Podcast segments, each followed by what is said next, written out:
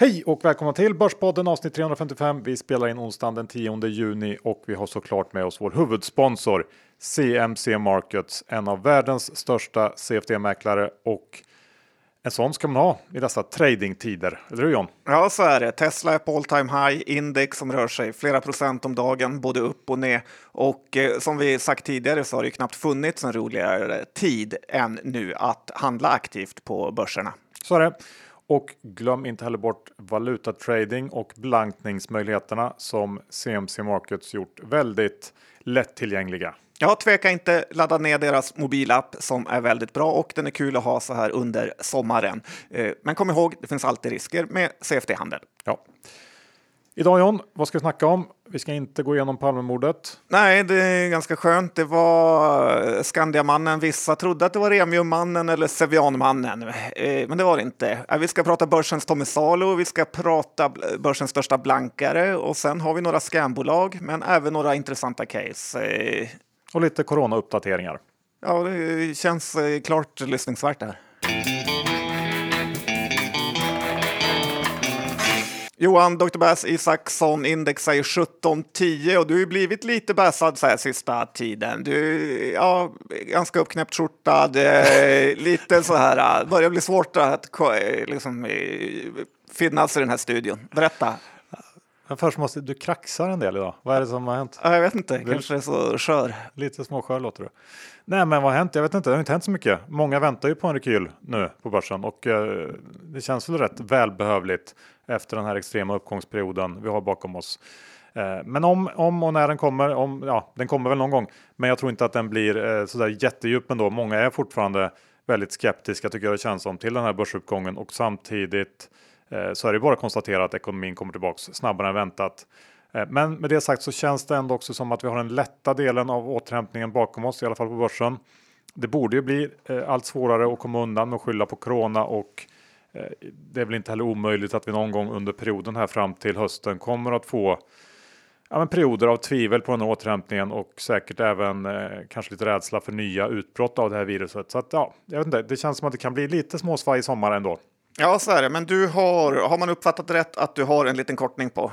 Ja, nu har jag ändå här ovanför 1700 så har jag, har jag ändå valt att eh, testa eh, plankningsvingarna igen. Luften blev för tunn helt enkelt. För tunn blev den. Um, du, eh, snart är det sommarlov, eller sommarlov blev det igår för många som går på, i skolor. Ja, det var ett tag sedan i och för sig. Ja, men vad, vad tycker du ska bli skönt med sommar? Ja, det har ju varit en extremt volatil vår här och det har varit action varje dag på börsen. Eh, så att det ska bli skönt. Samtidigt är, har det varit en av de absolut roligaste perioderna i börsens historia, just eftersom allting gått eh, så fort. Det är mycket pengar som har förlorats och tjänats där ute i världen. Och eh, som trader så har man fått nästan lite sån här PTSD-känsla. För så här är det ju, som trader är man som en sniper. Man fattar otroligt många beslut under extrem tidspress. Nästan ryggmärgsbeslut blir det. Eh, och sen får man leva med de här. Panikerade man på botten så kan det ta år att hämta sig från skammen att man var så svag. Eller köpte man helt rätt men lyckades ändå sälja ut sig alldeles för tidigt så påminns man om det varje dag när man ser kurserna fladdra förbi. Väldigt eh, sällan eller snarare aldrig gör man allt rätt. Så att det finns alltid saker att gräma sig över eller fundera fundera vad man skulle gjort annorlunda. Och eh, en sak ska ju sägas Johan, eh, av alla man stött på inom det här yrket så är det ju ofta psyket som har gjort att folk har eh, slutat. Att det är så otroligt påfrestande att under långa perioder behöva ta så mycket motgång utan att vika ner sig. Till exempel köpte du Kambi på 90 så är det jättebra nu. Men när den stod i 60 så är man ju närmare att kräkas för att då känns det som att den kan gå till noll eller kanske halveras ännu en gång. Och eh, så får man ju lägga till den här ekonomiska pressen att eh, det här är ju ofta enda inkomsten eh, för en trader. Det är inte någon lön som kommer in varje månad och man kan lura sig själv att portföljen är en hobby, utan det är verkligen ingen, ingen som bryr sig om dig och som det är på stora företag. Då prata med företagsläkaren om du liksom känner dig lite nere. Så att eh, ett tradinguttryck är ju att på börsen hör ingen dig skrika och det stämmer ju ganska bra. Eh, så att eh, det finns inga skyddsnät och om man ska vara ärlig Johan, det brukar vi vara här, så vill ju de flesta att det ska gå dåligt för en så att de själv kan känna att de inte slösar bort sina liv på ett eh, trist eh, jobb. Så att eh, att vara trader är förmodligen världens mest ensammaste och ja, kanske ett av de svåraste jobben. Eh, men det är också det som gör det så kul. De få, få gånger det går bra. Därav den här sniper-liknelsen eller? Ja, lite så. Som jag ändå tyckte var kanske lite överdriven, men lite önsketänkande. Ja, lite önsketänkande. Ja. Nej, jag håller med. Och eh, sen så blir det väl också lite abrupt eh, sådär när det har varit så extremt mycket action, enorma rörelser och sen återgår till lite mer normal marknad så infinner sig ju den här tråkighetskänslan ganska snabbt. Ja, verkligen. Eh, får man säga. Men då tycker jag vi kan gå över till någonting mer spännande och det är ju Eh, något så ovanligt som köpflöden i bettingsektorn. Och eh, det är ju inte någonting man är van vid. De senaste, ja, i alla fall ett och ett halvt åren så har det funnits en konstant motvind i den här sektorn. Bestående av institutionella investerare som kommit på att spel, det är inte okej okay att äga. Eh, och konstigt nog kom man på det samtidigt som sektorn reglerades i Sverige och faktiskt började betala skatt här även i många andra länder också. Eh, men det är en annan femma. För... Nej, men eh, får jag bara säga att det är så fruktansvärt härligt att de här patetiska ESG-fonderna som har hittat på saker verkligen sålde ut sig på botten och gjort bort sig och förlorat spararnas pengar. Okej, okay. ja, litet instick där. Eh, men det jag tänkte komma till var ju att i slutet av förra veckan så lanserades den första betting-inriktade ETFen i USA med namnet då Bets med Z på slutet och eh, den innehåller eh, en hel del svenska namn eftersom vi är framstående inom denna sektor. Och eh, med tanke på att det här ändå är en väldigt nischad eh, ETF som lanserats av en mindre spelare så har den på bara några dagar fått ett enormt positivt mottagande. Eh, per igår så var eh, AUM, alltså dess assets, uppe i 77 miljoner dollar och eh, hos den här eh, nätmäklaren Robinhood så finns eh, redan eh, den här ETFen hos över 18 000 konton och det har ju inte gått omärkt förbi. Många gamblingaktier har gått väldigt, väldigt starkt på slutet.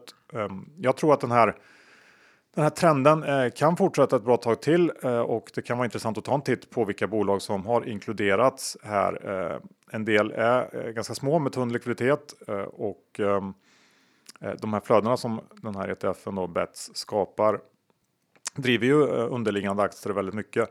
Eh, det kan, man kan vara lite uppmärksam kanske på att det här underliggande indexet som ETFen bygger på kommer genomföra en rebalansering på fredag på grund av det här oväntat stora intresset och jag gissar att de upptäckte att en del aktier ja, men fick för stor vikt givet dess likviditet och igår så såg vi minskningar i Eh, Eh, ja, ett gäng av ETFens mindre likvida svenska innehav och eh, jag tror att det kanske ger en liten fingervisning kring hur de kommer att ändra om.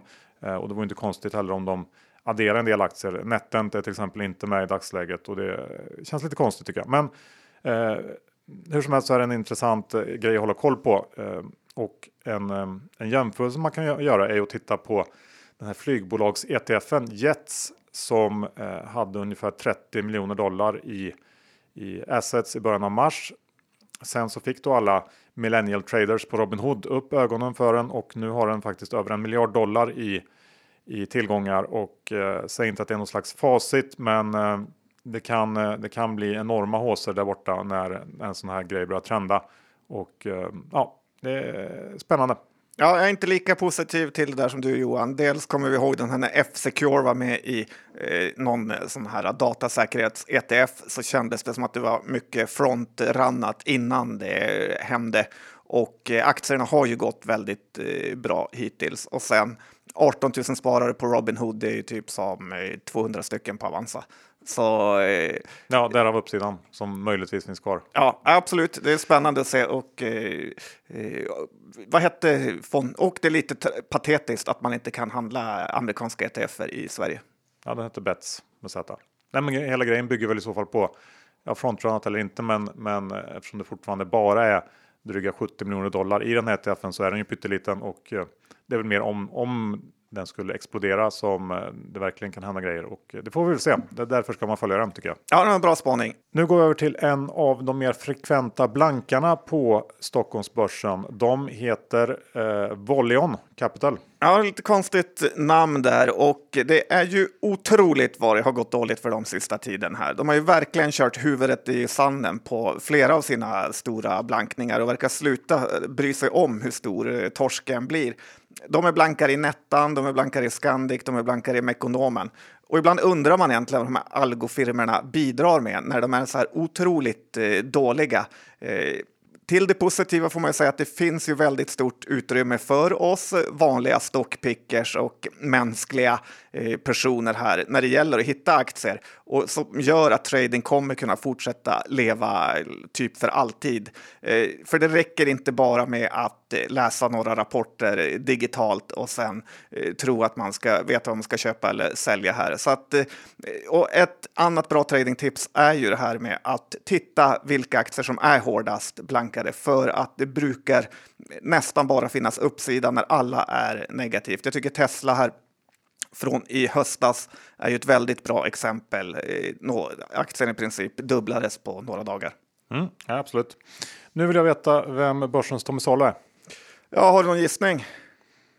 Ja, nej, men du får lägga ut din Ja, men du kommer väl ihåg Tommy Salo, hade en fin karriär, NHL och New York Islanders och var i landslaget och Lillehammer 94 där som gjorde att Foppa blev legend. Eh, men det spelar ingen roll, för alla kommer ändå bara ihåg när Salo flippade in pucken från halva plan eh, mot Vitryssland. Och eh, jag är lite rädd att det är på väg att bli så här för Warren Buffett faktiskt. Han har gjort bort sig så katastrofalt i flygbolagen här och panikerade verkligen på botten eh, så att det är svårt att smälta det. Flygbolagen är upp 100 procent sedan botten och eh, dessutom att han knappt köpte några aktier under kraschen eh, förvärrar ju allt. Så att det vore lite trist om Warren blev ihågkommen som börsens Tommy Salo. Jag kan hålla med om att jag är lite besviken på hans eh, agerande agerande på slutet, men man kan ändå inte ta ifrån honom eh, att han har liksom världens bästa investerar-track record någonsin och att eh, ingen antagligen någonsin kommer att slå det. Så att eh, det känns lite väl hårt att döma ut honom som börsens domicilo på grund av det. Ja, så kan man tycka.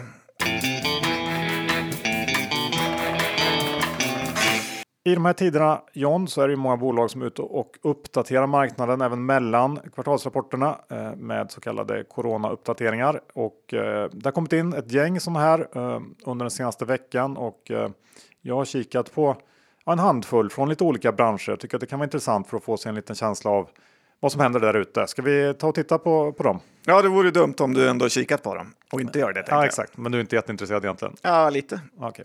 Husqvarna då, eh, kan vi börja med. De var ute i måndags här och pratade om eh, att eh, den coronarelaterade försäljningsminskningen eh, ser ut att bli mindre än befarat. Eh, vi har väl varit inne lite lätt tidigare på att Husqvarna skulle kunna vara en liten coronavinnare på att man är hemma och fixar med trädgården och eh, den 10% nedgång som man Eh, nu guidar för i Q2, eh, den är också betydligt bättre än de snittestimat som eh, inför den här uppdateringen då låg på ungefär 20% ner i Q2 och ehm, det här hade ju börsen sedan länge fattat. Aktien var väl upp lite grann, någon procent, men inte nämnvärt på den här uppdateringen och eh, eh, Husqvarnas aktie är också oförändrad nu på året. Ehm, lite i linje med att den enkla resan på börsen är gjord på något sätt. Men det går åt rätt håll där. Uh, ja, några kommentarer? Ja, men här är man ju hellre säljare nästan än köpare. Jag hade hoppats på lite mer från Husqvarna nästan.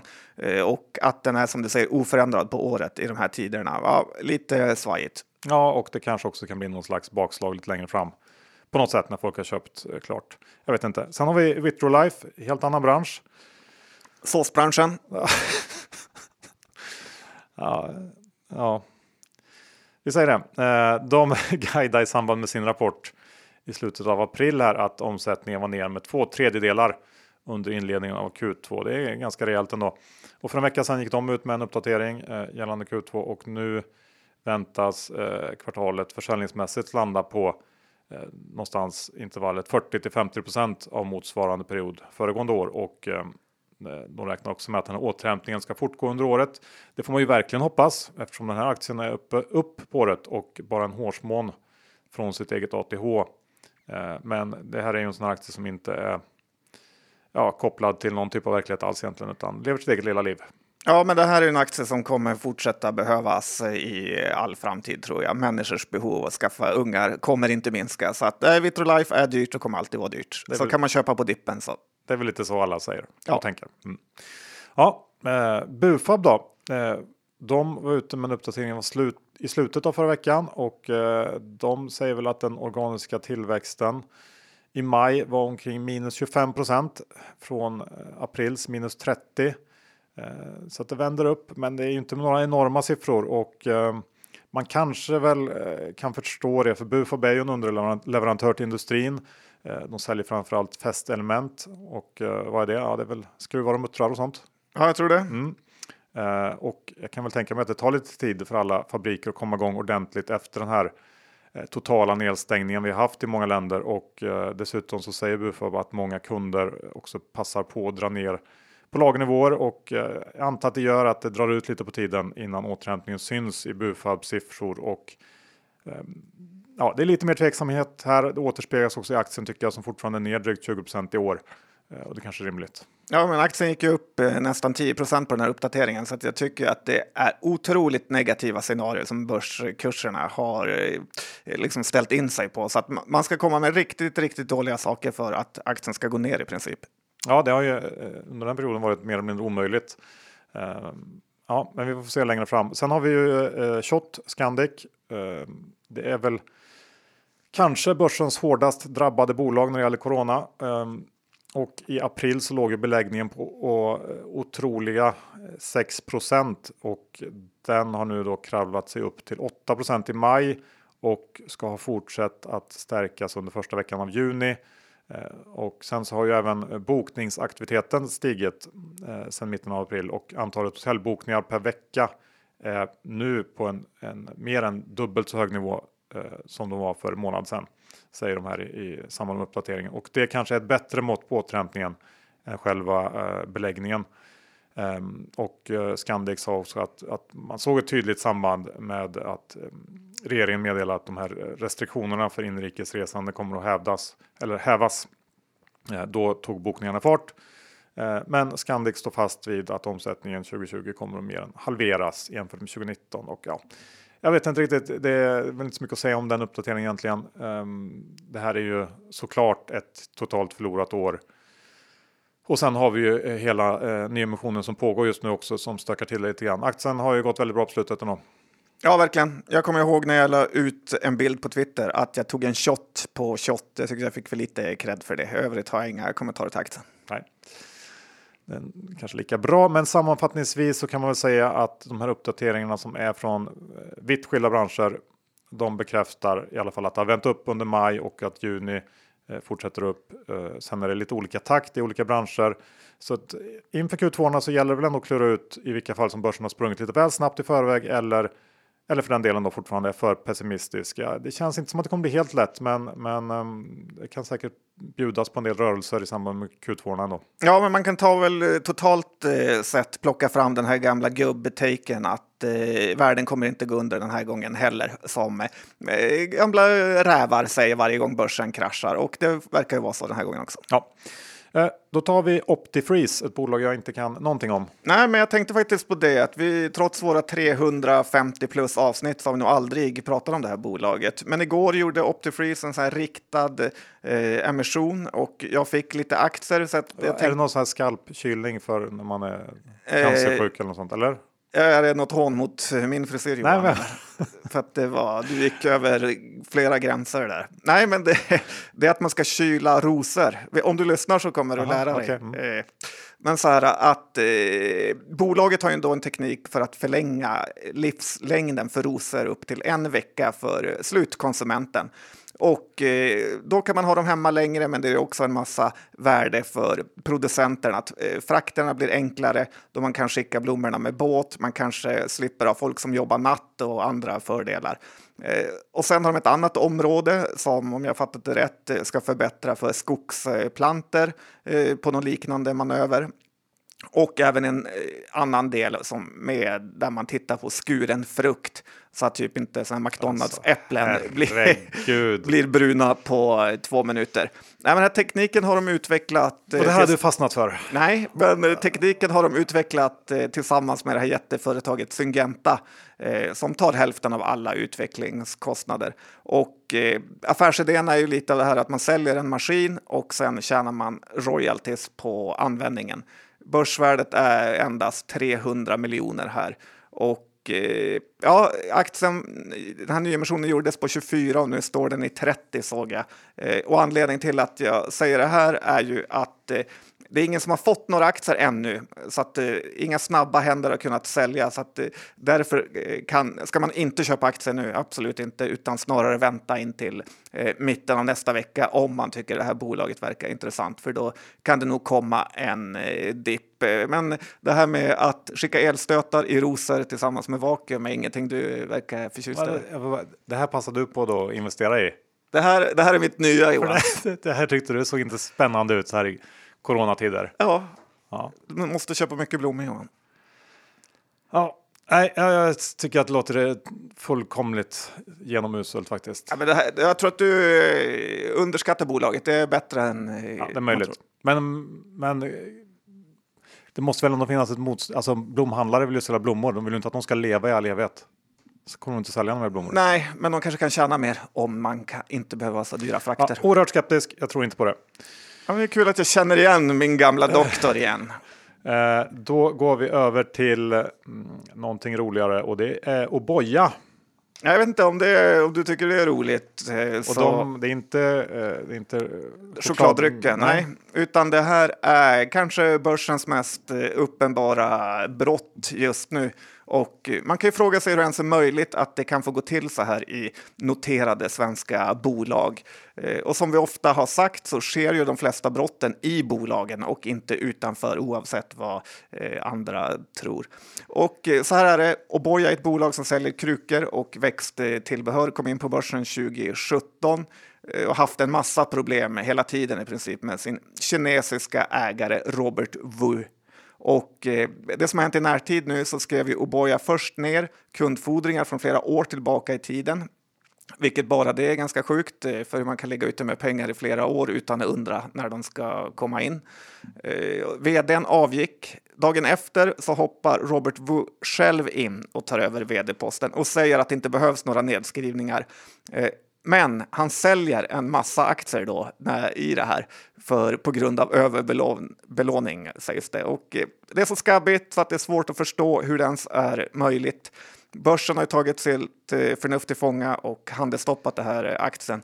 Men 90 procent av skadan är ju redan skedd. Och jag tycker återigen hur viktigt det visar sig att man ska hålla sig borta från den här typen av bolag. Nej, det här är lite av en skandal får man ändå säga, som har gått obemärkt förbi bland mainstream media. Ja, ja.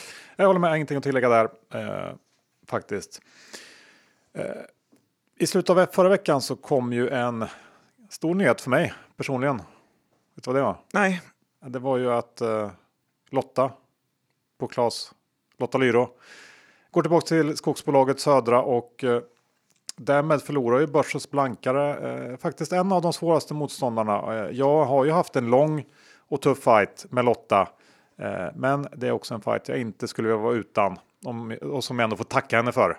Ja, eh, hon har ju gjort det fantastiskt eh, jobbigt. Tycker att det är lite synd att media inte plockat upp hur duktig hon har varit. En av de här få börskvinnorna som verkligen lyckats. Ja, och jag är också övertygad om att Clas Ohlson skulle vara i ett betydligt sämre skick än vad de är i nu. Om hon inte eh, kommit in när de, när de gjorde. Eh, Lotta fick ju faktiskt en riktig soppa att städa upp eh, efter den här Klas Balkov. Han hade ju ja, men, gjort mängder av usla satsningar och eh, nu... Fick eh, ändå ett toppjobb på Axfood. Ja, eh, så är det. Eh, Men nu är också det mesta av det här borta och också det mesta av den lågt hängande frukten så att säga. Den är plockad i Clas Ohlson. Aktien på dryga 100 spänn utan Lotta tycker jag känns eh, lite farligt för alla som äger Clas Ohlson aktier. Ja, lite trist tycker jag att också hon valde ett så tråkigt bolag att gå till. Kändes som hon var värd ett eh, mer high profile än eh, Södra. Så att, eh, tråkigt, hade gärna sett henne i ett börsnoterat bolag. Mm, jag håller med om. Eh, hur är det med Green Landscaping då?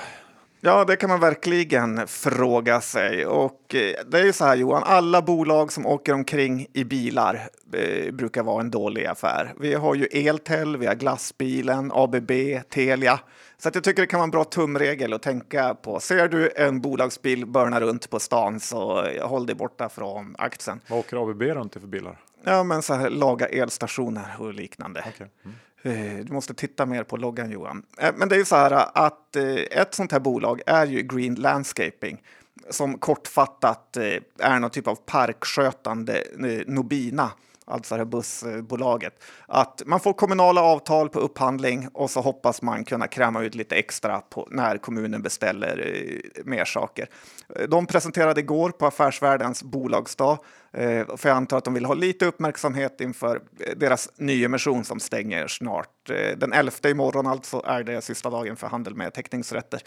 Och eh, jag frågade här varför vädret kunde vara en så stor och avgörande betydelse för eh, Green Landscapings resultat eftersom de har skylt både eh, Q4 och Q1 som var dåliga på vädret. Eh, det är lite svårt att se, men anledningen till det är att det har varit för varmt för att eh, bolaget Green Landscaping tjänar pengar på när de får åka runt och eh, sanda. Eh, och här känner man ju direkt att det är ju inte ett jättehögt p-talsbolag här som man vill köpa som åker runt och sandar. Det är inte teknikhöjd i liksom, taket. Eller här Jacksons trädfällning, har du sett dem? Ja, jag använt någon gång tror jag. Ja, det är Green Landscapings, eh, ett av deras bolag. Aha, och, mm som dessutom eh, Peter Benson dissade för att deras offert hade varit dubbelt så hög som alla andras när han hade provat dem. Så det var en bra lynchning där. Men grejen är, gillar man det här bolaget, för det gör en del, Eh, så är det eh, förmodligen imorgon som man ska plocka in det. Då. Det är sista dagen för eh, teckningsrätten att handlas. Så att, eh, ja, jag kanske gör en trade själv. Okej, okay, okej. Okay. Bra, tackar vi för det. Eh, Går över till ett lite större bolag. Eh, det har ju varit väldigt mycket snack om eh, Tigo på slutet. Eh, och tänkte ändå att ska man inte passa på att titta lite på Telia nu som hamnat lite i skymundan. Men Telia-aktien är faktiskt ner knappt 20% i år och ja, kanske kan vara läge nu för Ellison Kirkby som gjorde underverk med Tele2 har ju suttit nu en dryg månad på vd-posten och det borde väl ändå finnas något hon kan hitta på för att hotta upp eh, den här surdegen. Eh, ja, jag läste det... exakt den där formuleringen i Börsgolvet Johan. Är det du som? Nej, okej, okay. jag ska formulera om då. Ja. Nej, men någonting borde hon kunna göra. Ja. Grym omformulering. Uh, nej, men ja, så att jag undrar ändå om att man, man kanske kan ha lite, plocka in lite Telia i tråkdelen av sin portfölj. Uh, som ett, ja, någon typ av bett på att Ellison plockar fram sin magi. om inte hon gör det så borde ändå nedsidan vara Eh, begränsad ändå får man säga på de här nivåerna. Så att, eh, kanske någonting ändå. Ja, men det håller jag med om. Det är verk- när allt annat är svindyrt så får man köpa lite billigt. Slut på avsnitt 355.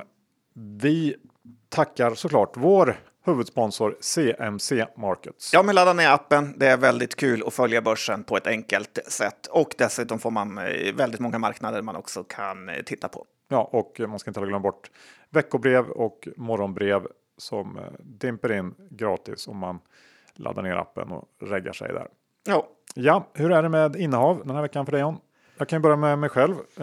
Jag har väl inte någonting av det vi pratat om. Jag har spelbolag, men jag nämnde nog inte några direkt med namn. Men... Nej, men då lämnar vi det så. Jag har mm. samma situation där och så har jag min ETF som är inte redan. Kanske jag ska lägga ut den någon dag Johan? Ja. Nej. Nej. Nej, men bra. Slipp då. Ja. Och så har jag en skvätt OptiFreeze som vi pratar om såklart. Då är vi nöjda. Det är vi. Mm, bra, tack för att du lyssnade. Hörs om en vecka. Det gör vi. Hej då!